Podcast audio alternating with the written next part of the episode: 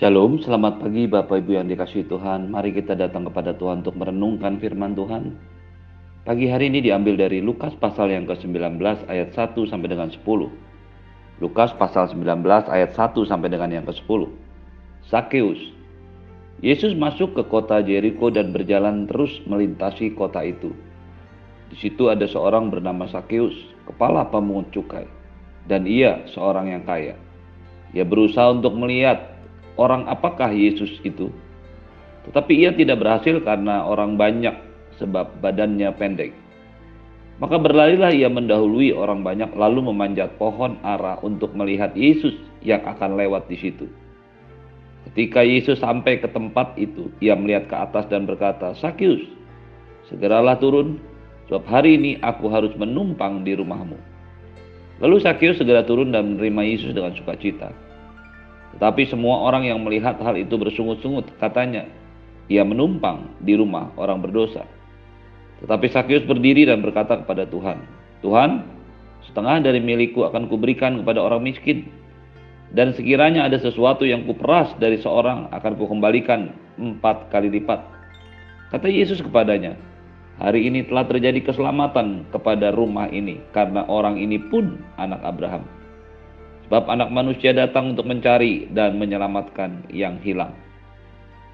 Bapak Ibu yang dikasih Tuhan, cerita tentang Sakyus cukup dikenal di kalangan orang-orang Kristen, terutama mereka yang sejak kecil mulai ikut ke gereja.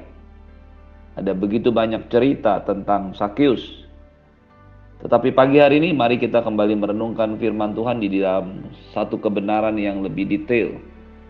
Yang pertama kita harus mengerti mengapa Yesus melewati kota Jericho.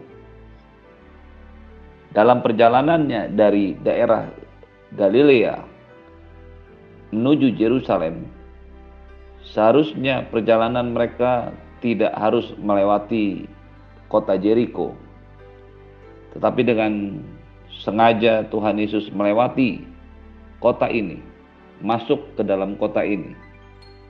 Yang pertama dia baru saja menyembuhkan seorang pengemis buta sebelum memasuki kota Jericho, ada di sekitar kota Jericho yang kita baca dari kit Lukas 18 ayat 35 sampai dengan 43. Yang kedua tentu saja karena dia harus menemui Sakius ini. Mengapa Yesus harus masuk ke kota Jericho? Karena sebenarnya kota Jericho ini adalah kota yang dikutuk oleh Joshua ketika Joshua memimpin bangsa Israel masuk ke tanah perjanjian. Kota pertama yang diduduki, dikalahkan adalah kota Jericho. Kita tentu ingat bagaimana Joshua memimpin orang-orang Israel mengitari kota itu selama tujuh kali dalam tujuh hari setiap hari satu kali dan pada hari yang ketujuh tujuh kali. Ketika akhirnya kota Jericho ditaklukkan oleh Joshua, bersumpahlah Yosua seperti yang ditulis dalam Yosua 6 ayat 26. Terkutuklah di hadapan Tuhan orang yang bangkit untuk membangun kembali kota Jericho ini. Dengan membayarkan nyawa anaknya yang sulung, ia akan meletakkan dasar kota itu dan dengan membayarkan nyawa anaknya yang bungsu, ia akan memasang pintu gerbangnya. Karena kutukan Joshua ini, maka orang-orang Yahudi, orang-orang Israel, tidak ada yang berani untuk membangun kembali kota ini, kota Jericho ini. Sehingga kalaupun akhirnya kota ini terbangun kembali, menurut sejarah kerajaan demi kerajaan, mereka yang membangunnya pasti terkena kutuk yang dikatakan oleh Joshua. Itu sebabnya tidak terlalu banyak orang Yahudi yang mau tinggal di sana. Kecuali orang-orang yang memang dianggap sebagai orang-orang yang jahat. Termasuk di antaranya adalah para pemungut cukai. Menarik untuk kita simak dan renungkan. Sakyus ini adalah kepala pemungut cukai. Dia bukan hanya sekedar seorang pemungut cukai, tetapi dia juga adalah kepala dari para pemungut cukai. Para pemungut cukai dikategorikan orang-orang yang berdosa menurut orang-orang Farisi, ahli-ahli Taurat dan mahkamah agama. karena mereka biasa menarik lebih banyak daripada peraturan selanjutnya yang ditetapkan, bahkan mengambil uang orang atau bangsa Yahudi. Yang berikutnya adalah mereka dianggap sebagai kaki tangan dari penjajah Romawi yang menguasai Israel, tanah Kanaan pada waktu itu. Mereka dipasang sebagai orang-orang yang memungut cukai kepada orang-orang Yahudi. Ini membuat mereka dikategorikan sebagai orang berdosa dan biasanya mereka tidak mau tinggal dengan para pemungut cukai. Itu juga yang menjadi alasan mengapa Sakyus akhirnya memilih tinggal untuk di Jericho. Karena orang Yahudi tidak mau tinggal di sana sementara dia lebih nyaman karena berada di antara orang-orang banyak bukan Yahudi. Apa yang dilakukan oleh Tuhan Yesus ingin menyatakan bahwa di balik tempat yang terkutuk ini, di balik orang-orang yang berdosa ini, ada orang-orang yang harus diselamatkan. Tetap harus ada orang-orang yang pergi masuk ke tempat di mana orang-orang yang dianggap jahat itu berada. Orang-orang yang dianggap tidak bermoral itu ada. Harus ada orang yang melayani, mendatangi mereka dan itu dilakukan oleh Tuhan Yesus ketika ia masuk ke kota Jericho. Di sisi yang lain, kekayaan, keberhasilan dan kesuksesan yang dimiliki oleh Sakyus tidak membuat dia lengkap dengan hidupnya. Dia berusaha untuk melihat orang apakah Yesus itu. Mengapa dia berusaha untuk melihat?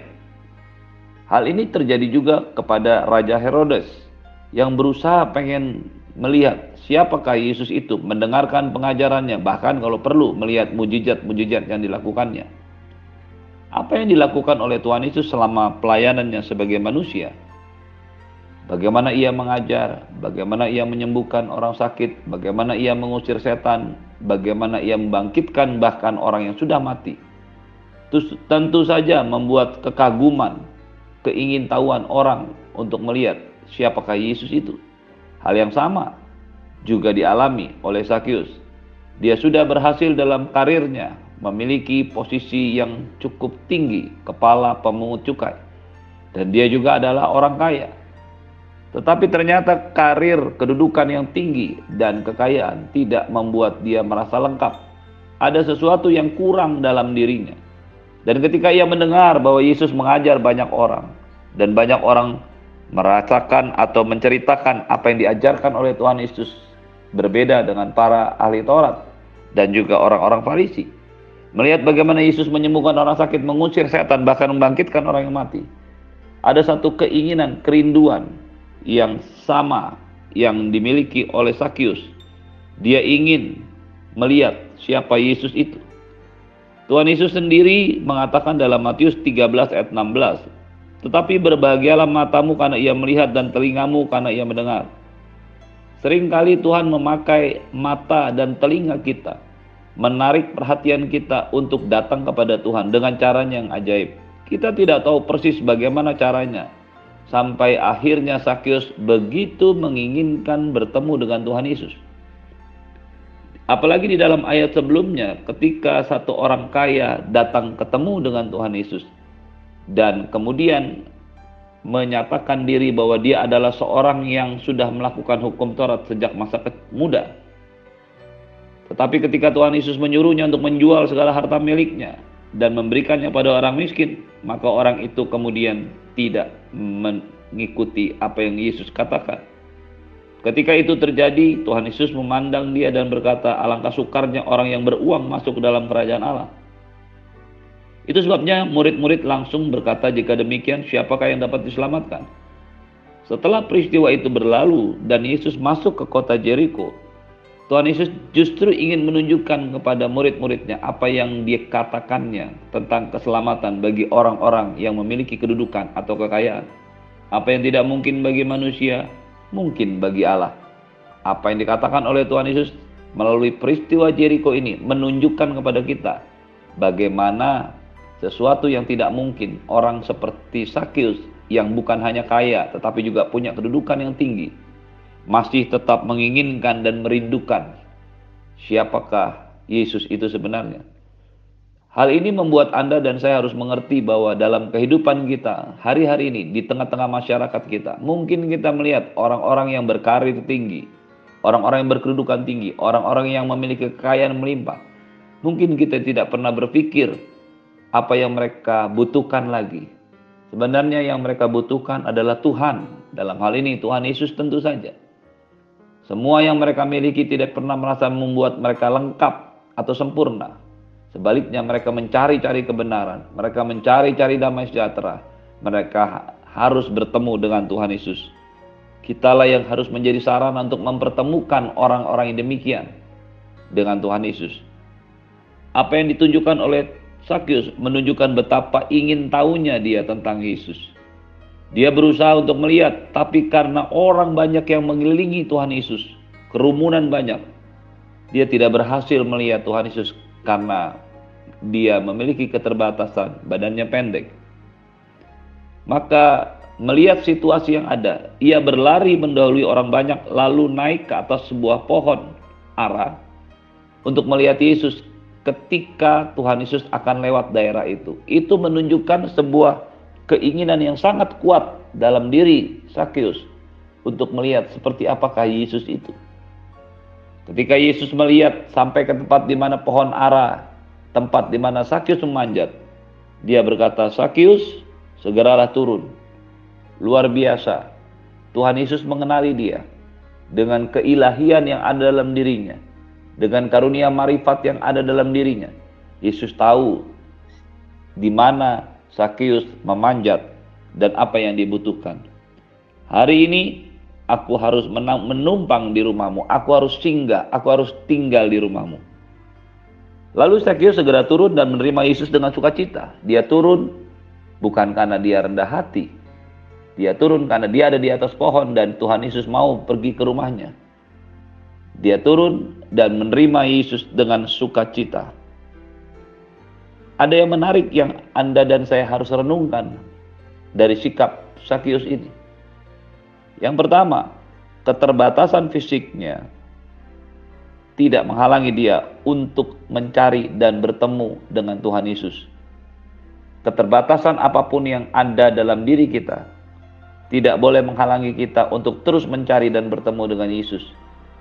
Seringkali ketika orang sakit minta didoakan, mereka masih sanggup pergi ke rumah sakit, tetapi mereka tidak mau atau tidak sanggup untuk pergi ke gereja. Seharusnya kalau mereka memiliki iman yang tinggi untuk disembuhkan, iman yang besar untuk disembuhkan oleh Tuhan, dia harus berusaha memaksakan diri, keterbatasan dirinya untuk bertemu dengan Tuhan.